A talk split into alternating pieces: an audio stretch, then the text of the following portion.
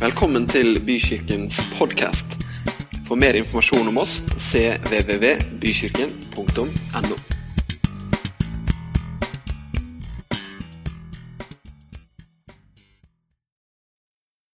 Og det er veldig hyggelig å være i gang med eh, 100 dager med Jesus. Denne boka som, eh, som eh, allerede har gjort en impact i livet vårt én gang som kirke. Eh, men jeg føler faktisk nå at eh, som familie da, så har vi kobla oss enda tettere på dette her denne gangen. Det vi har løst, sånn som vi har løst det, er at vi rett og slett har kjørt vi har kjørt samlingene på kvelden med barna. Da har vi litt mer tid, og så får vi snakka litt om ting etterpå. og Det har vært en veldig god start for oss, dette her altså. Og dette med nye muligheter er jo det det handler om denne tredje uka. Eh, Og dette har vært en liksom ny mulighet for oss til å koble på ordentlig eh, Jesus i hverdagen eh, vår.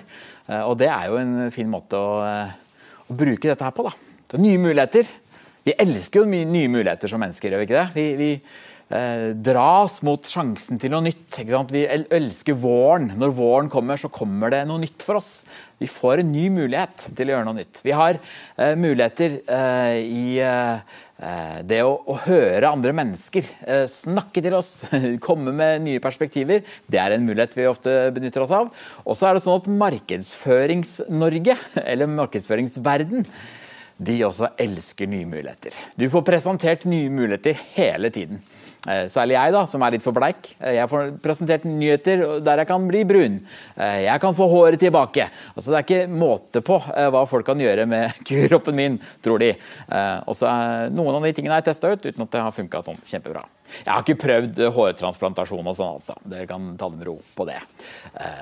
Men vi har lyst på nye ting. Vi, av og til så ser jeg tilbake på livet mitt og tenker jeg, ja, det hadde vært gøy kanskje med en annen utdannelse enn det jeg egentlig tok. Burde jeg gjort det? Ja, det tror jeg kanskje jeg faktisk hadde gjort hvis jeg hadde hatt muligheten. Eh, kanskje bodd et annet sted enn det jeg bor? Ja, mulig. Kanskje ny kone? Nei, det var en spøk. Ikke ny kone. Det hadde jeg ikke bytta ut. Aldri i livet. Eh, ikke familien min heller. Det er en del sånne ting som jeg er veldig glad jeg faktisk har. Og når jeg liksom ser tilbake på livet mitt, jeg faktisk, er jeg i det store og det hele ganske fornøyd med hvordan jeg har endt opp. da. Det må jeg si. Eh, Men eh, dette med en ny start Jeg, har til og med, altså med lagd en serie på TV for TV Norge som heter En ny start, eh, tilbake i 2011. Eh, Da skulle vi følge ti sykelig overvektige gjennom et helt år. Der de, altså de var virkelig store. Og de skulle få en ny mulighet. En ny start på livet sitt. Og jeg tror alle som gikk inn i det prosjektet var helt klar over at dette kom til å bli vanskelig. For dette var ikke sånne folk som meg, eh, som har litt sånn manboobs som man må liksom prøve å kvitte seg med. Eh, nei, dette var ganske kraftige folk. eh, Fra 170 kilo oppover. Hans største veide 279 kilo. Og når du sier til han at nå skal du få en ny start, gutten min, ja, så skjønner alle at dette her er ikke bare en quick fix. Det er ikke bare å knipse, og så blir dette her i orden. Vi la alt til rette. Coacher, vi hadde ernæringsfysiologer, vi fikk personlige trenere, eh, disse type menneskene. Og de fikk til resultater. De fikk endra livet sitt midlertidig. For nå, åtte år seinere, så har de aller fleste dessverre gått tilbake til hvordan livet var før. Det er utrolig vanskelig å endre på livet vårt. Jeg hadde en eh, samtale med kona mi i bilen på vei fra gartneriet. Eh, Da hadde vi endelig ti minutter, de ti beste minuttene på, på noen måneder, der vi fikk litt tid alene i bilen. Og Det var overraskende hvor fort den samtalen ble ganske dyp. Eh, For vi snakka om eh, personlighetstrekk som vi egentlig burde gjort noe med. Som vi syns vi liksom burde endra. Ikke på hverandre, men for oss sjøl. Og det litt sånn ironiske er at den samtalen den kunne vi hatt også for 20 år siden. Med nesten nøyaktig likt innhold. De samme tingene som jeg bala med i ungdommen min, de baler jeg med fortsatt. Det er vanskelig å endre seg. Jeg tror kanskje også om 20 år så kan det godt hende at vi har akkurat den samme samtalen. Så, så det å få til en endring i livet, det er ikke så lett som vi eh, skulle tro. Det er ikke så lett som vi kanskje håper på. Og så er det også en del ting i livet ditt som du har lyst til å kanskje gjøre på nytt, som ikke bare er opp til deg. Da tenker jeg på relasjoner. Dette mellommenneskelig. Det å få til en ny mulighet med en relasjon som er brutt. Kanskje du har veldig lyst til det, kanskje du har eh, bedt om tilgivelse og sagt at dette her vil vi gjøre noe med, men kanskje den andre personen som er involvert, ikke ønsker det. Da er det ikke lett å redde ekteskapet. Da er det ikke rett, lett å få til vennskapet. Det å få en ny mulighet til livet sitt, det handler også om hva andre folk rundt deg er villige til å gjøre. Det handler om nåde, om tilgivelse. Eh, og det er ikke alltid opp til deg. Så jeg lurer på om det, dette her med liksom det vi hører hele veien om markedsføring, dette med liksom en quick fix der du skal få en ny mulighet. Jeg lurer på om det vi tenker på i vårt eget liv med ting vi har lyst til å endre som ikke har endra seg. Jeg lurer på om det med de, Alt dette her gjør at, at vi kan få litt anstrengt forhold til det med nye muligheter. At det blir noe vi ikke, ikke, ikke, har så stor tro på lenger. Jeg kjenner sjøl at jeg er mer kynisk til å få til en ny start nå enn det jeg var da jeg var 20 år gammel. i hvert fall. Og I dag så skal vi snakke om mirakel. Jesus sitt første offisielle mirakel. Eh, og eh, mirakel er et godt ord. Mirakelkur, som vi har funnet på litt seinere, det er ikke så godt ord. Da er det plutselig noe som vi ikke helt har trua på. Nei, det er en mirakelkur, det der, så det bare legger vi vekk. Vi har lyst på en mirakelkur. Vi har lyst til at det skal funke. Vi har lyst til at eh, korona bare skal bli borte med en liten medisin. Eh, men det har ikke funka foreløpig. Så mirakelkur har vi også gjort til noe negativt. Vi har også brukt ordet mirakel i negativ kontekst. Eh, det er ikke så lett da, å slå gjennom dette her. Jesus, I første kapittel i Johannes så får vi fortalt historien om hvordan han finner sine første disipler hvordan folk følger han tilsynelatende. Litt sånn Ja, han blir vi med. Jesus følger vi. Eh, det var ikke noe mirakel til stede der for å overtale mennesker om at de skulle bli med han. Det var et eller annet i møtet de hadde med Jesus, den kjærligheten de må ha sett i øynene hans, eh, den overbevisningen i hans enkle budskap om å følge ham, eh, overbeviste så mange at det var det som skulle til. Men et bryllup i Kanan skal bli stedet der Jesus rett og slett viser at han er Gud. Eh, og Vi skal lese fra andre kapittel, eh, eh, fra første verset der. Den tredje dagen var det et bryllup i Kana i Galilea. Jesu mor var der.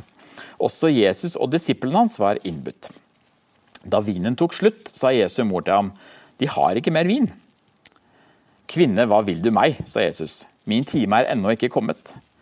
Men moren hans sa til tjenerne, det han sier til dere, skal dere gjøre. Det sto seks vannkar av stein der, slik som brukes i jødenes renselsesskikker. Hvert av dem rommet to eller tre anker. Fyll karene med vann, sa Jesus til tjenerne. De fylte dem til randen.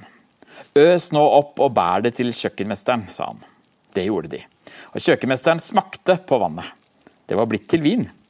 Han visste ikke hvor den var kommet fra, men tjenerne som hadde øst opp vannet, visste det. Da ropte han på brudgommen og sa, alle andre setter først fram den gode vinen, og når gjestene blir beruset, kommer de med den dårlige. Men du har spart den gode vinen til nå. Dette var det første tegnet Jesus gjorde. Det var i Kana i Galilea. Han åpenbarte sin herlighet, og disiplene hans trodde på ham. Så Jesus er i bryllup med sin mor.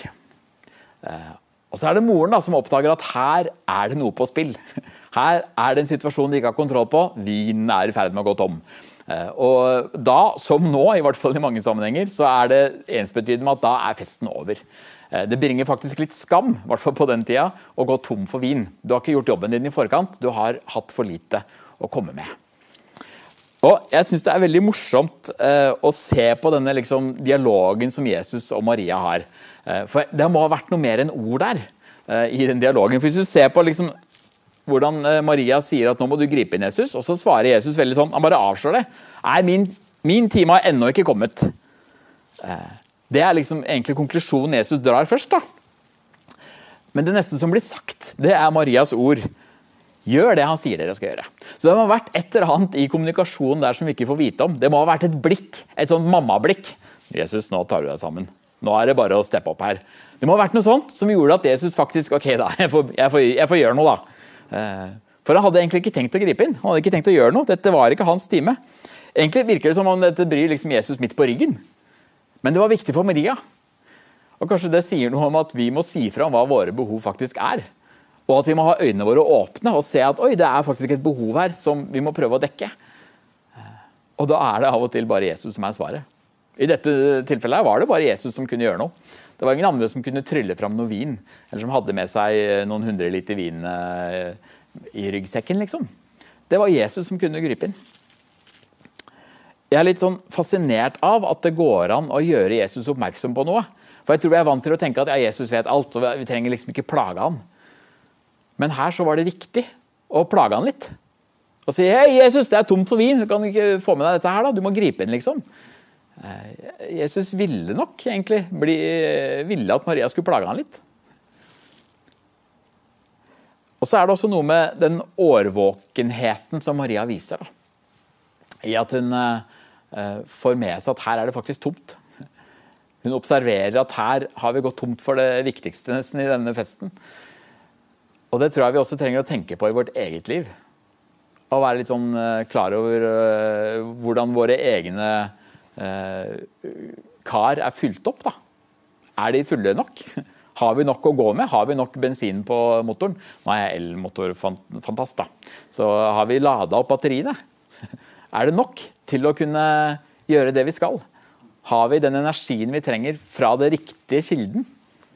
Er det Gud som har fått lada batteriene våre, eller er det noe vi har nødlada rundt omkring i livet vårt? Ok, Jesus han setter i gang. Det vil si, han setter andre i gang. For han, gjør, han, ber andre om å gripe inn. Han sier ok, dere må ta disse karene her. Og Husk at Jesus hadde ikke tenkt å gjøre dette, her, så det, det kan egentlig virke som han improviserer. Han sier ja, vi tar de karene der de som står litt sånn lett tilgjengelig. Det var 100 liter i hvert sånn kar, så det er utrolig mye det er snakk om. Det er svære saker de skulle flytte på. Men han hadde egentlig mulighet til å gjøre det sjøl. Når han først skal liksom gjøre om vann til vin, så kunne han jo bare liksom flytta de kara et eller annet sted sjøl også. Men han involverer andre.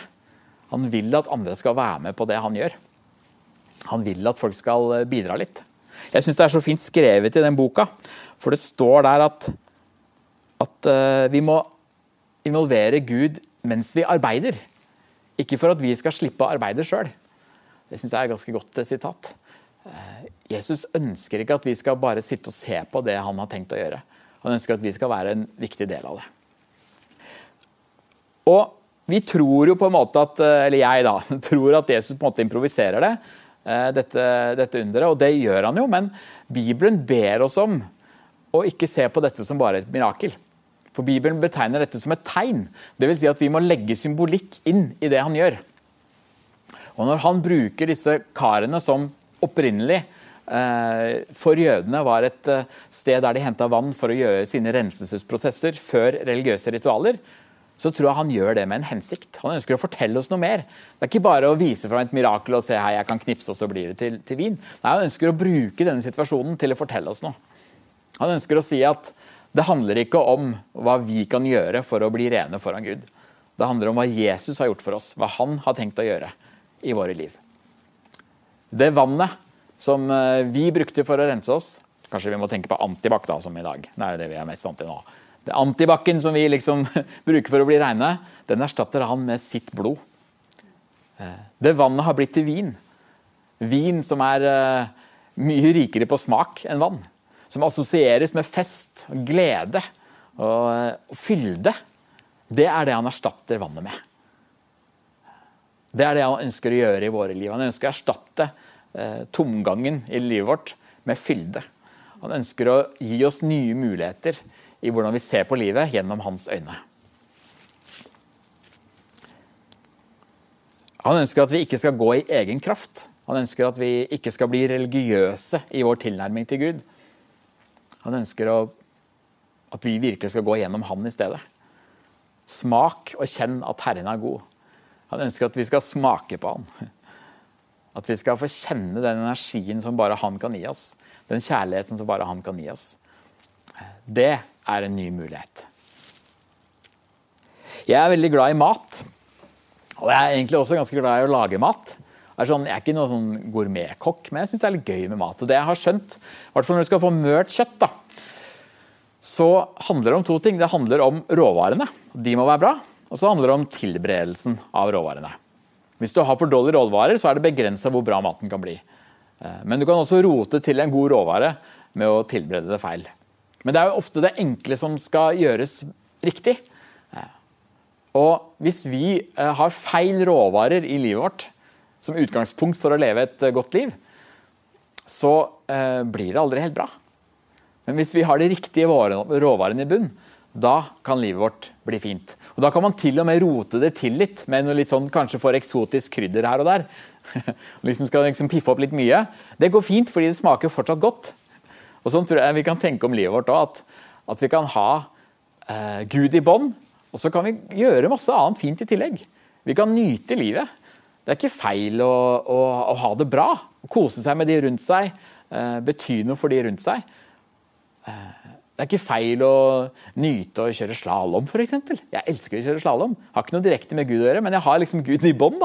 Sånn at det ikke blir bare slalåmen jeg lever for. Det hadde vært veldig rart egentlig om jeg skulle levd bare for slalåm. Det hadde egentlig ja, det hadde ikke blitt så bra, tror jeg, for noen.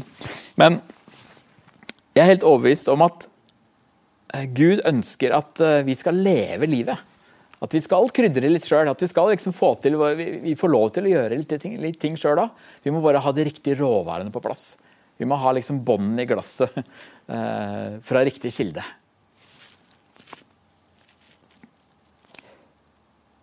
Jeg eh, hadde en prat her med ei jeg kjenner igjen med jobb.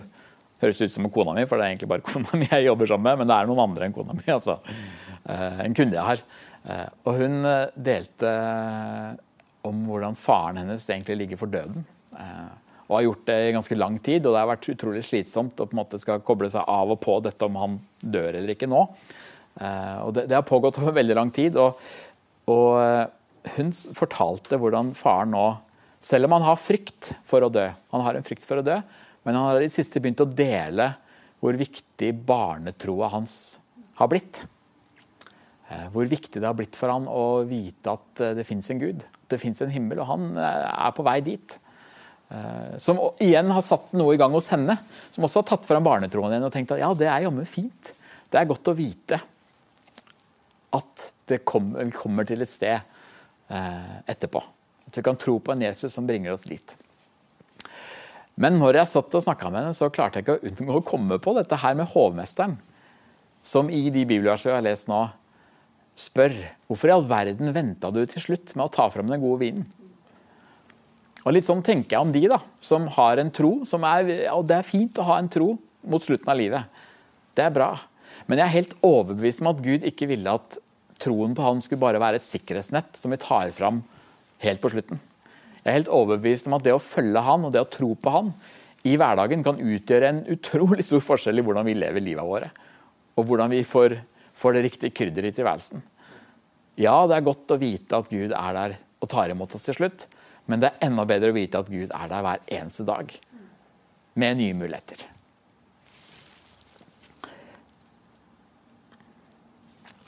I det siste verset i denne passasjen så snakker Jesus om så beskriver, beskrives dette som at han åpenbarte sin herlighet. På gresk så betyr herlighet stråleglans, pomp og prakt. Jeg har ganske god koll på hva prakt betyr, jeg vet ikke helt hva pomp betyr. Eh, men jeg tror det handler om at Gud er satt over oss. Jesus er opphøyd i forhold til vår situasjon som mennesker. Han er over situasjonene våre, han er over eh, omgivelsene våre. Eh, og han kan styre dem, han kan endre omgivelsene våre.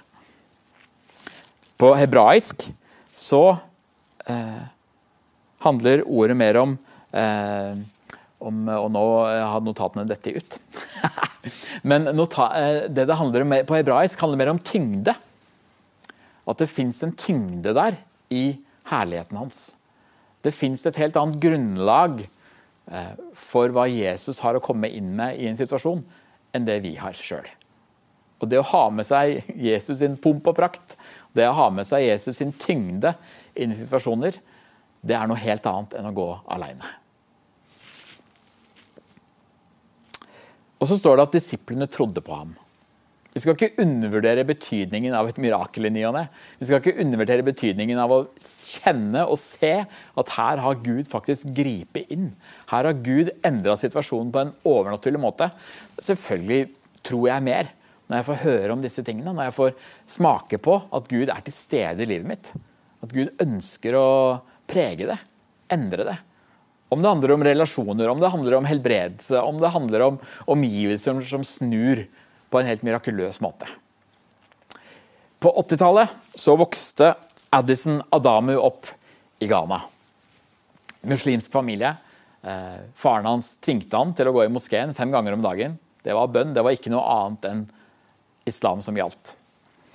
Men så hadde han en kamerat på skolen som eh, en dag tok med seg Bibelen på skolen. Hadde lyst til å vise den fram til Addison. Det ville ikke Addison gjøre. Han ville ikke se Bibelen, for han var redd for hva som skulle skje hjemme. Eh, for den største kriminaliteten av de alle i, i, i huset han vokste opp i, det var å gå fra å være muslim til å bli en kristen. Men han begynte å tenke på det, og denne kristne kameraten ga seg ikke helt. Så en dag så ble han invitert med på et helbredelsesmøte. Addison blir med eh, og får se at Gud griper inn i folks liv rundt seg. Krykker kastes, folk blir helbreda. Og Addison skjønner at Jesus er ikke bare en profet, sånn som vi har blitt lært opp til i islam, men han er faktisk Gud. Så han tar imot Jesus. Eh, og etter hvert så går han mindre og mindre i moskeen og mer og mer i kirka. Så det kommer til et punkt der faren konfronterer han. Og han er allerede sint før han spør. Du ser i øynene at denne faren vet hva som har skjedd. Men han spør Addison hvor var du i dag. Addison svarer jeg har vært i kirka. Faren tenner på alle pluggene, tar fram et sverd og begynner å løpe etter Addison. Eh, og sier du er ikke min sønn lenger. Når du har fornekta vår tro, så fornekter jeg deg som sønn. Så Addison rømmer. Flytter inn hos kameraten sin. Er 14-15 år gammel. Eh, så går det tre uker, og så får han høre at faren har blitt alvorlig syk. Blitt lam. At han ligger for døden. Så han sier til kameraten sin at nå vil jeg gå til pappa. Jeg må besøke han, Men han får høre at nei, det kan du ikke, det er livsfarlig. Går du dit, så kan du bli drept. For resten av familien til Addison var også utrolig fortørna over dette valget Addison hadde tatt. Men han sier men hvis jeg kommer dit, og jeg ber til Jesus som helbreder, så kan hele min familie få se hvem Gud er. Så han drar dit. Faren kan ikke snakke, men han ser øya hans, og så ber han for faren sin. Sier Jesus, 'Du er en som helbreder'. Og nå ber jeg om at Jesus, at du skal helbrede min pappa. Han rakk ikke å be bønnen ferdig før det skjedde noe hos faren. Og faren ser Addison i øynene og sier, 'Din Jesus og din bønn har helbreda meg'. Hele familien vender om og begynner å tro på vår Gud.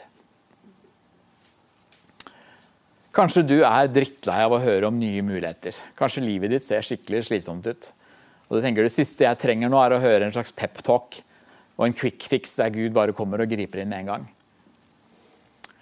Kanskje du som meg har blitt mer kynisk med åra og tenkt at eh, dette med mirakler, det, det, det gjelder jo ikke meg. Det skjer ikke i mitt liv. Men Jesus har lyst til å gi deg nytt håp i det. Jesus har lyst til å gi deg en ny tro på at han kan gripe inn.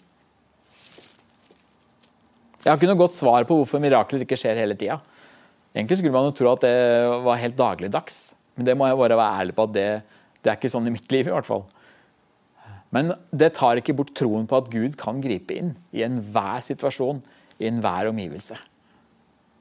Når vi stiller livet våre opp for Han, så kan Han gjøre noe i livet vårt. Han har ikke lyst til at vi skal være passive og bare vente på at det skal komme et mirakel. Han har lyst til å være aktive. Han har lyst til at vi skal mase på han. Husker blikket til Maria som han ga Jesus? Kanskje vi må gi litt sånne blikk. Hei, Jesus! Få med deg det her, da. Dette betyr noe for meg. Det betyr noe for meg at naboen min har det kjipt. Det betyr noe for meg at uh, noen jeg kjenner, ikke blir friske. Kanskje vi må være litt mer desperate. Si fra litt tydeligere. Kanskje vi må være mer aktive i hvordan vi lever livet vårt for Jesus. For at det skal skje noe på andre sida, for at han skal få vise sin herlighet. For det er det de mennesker rundt oss trenger. De trenger å få kjenne at Gud er ikke bare et sikkerhetsnett på slutten av livet. Gud er en som griper inn i hverdagen. Når vi tror på han, og vi tør å pirke han litt i ryggen og si 'hei, kom igjen', da, gripe inn i denne situasjonen her, da skjer det noe. Det er jeg helt overbevist om. Skal vi be. Kjære Gud, takk for at du er nær. Du har lovt å være tett på livet vårt, Herre. Og når du sier at vi har nye muligheter, så er ikke det et slogan fra et PR-byrå. det er dine ord. Dine livgivende ord. Jesus, vi ber om en ny sjanse. Vi ber om at vi skal få fornya tro på at du griper inn i livet vårt. Det ikke bare er mirakler fra Bibelen som skal bli vår hverdagshistorie, men at vi kan fortelle fra vårt eget liv og andres liv at du er en Gud som griper inn. At du er en miraklenes Gud. Og hjelp oss til å se tegnene i det du gjør. Og ikke bli liksom for blenda av miraklene, men å virkelig skjønne hvorfor du gjør det du gjør. Og hjelp oss til å plage deg litt mer ta det litt som en selvfølge at du skal være med i livet vårt. Hjelp oss til å ta sjanser som gjør at vi trenger disse miraklene. Så vi ikke bare blir trygge og liksom lener oss tilbake i en slags passiv tro, men at vi er aktive på at du kan gripe inn. Mm. Amen.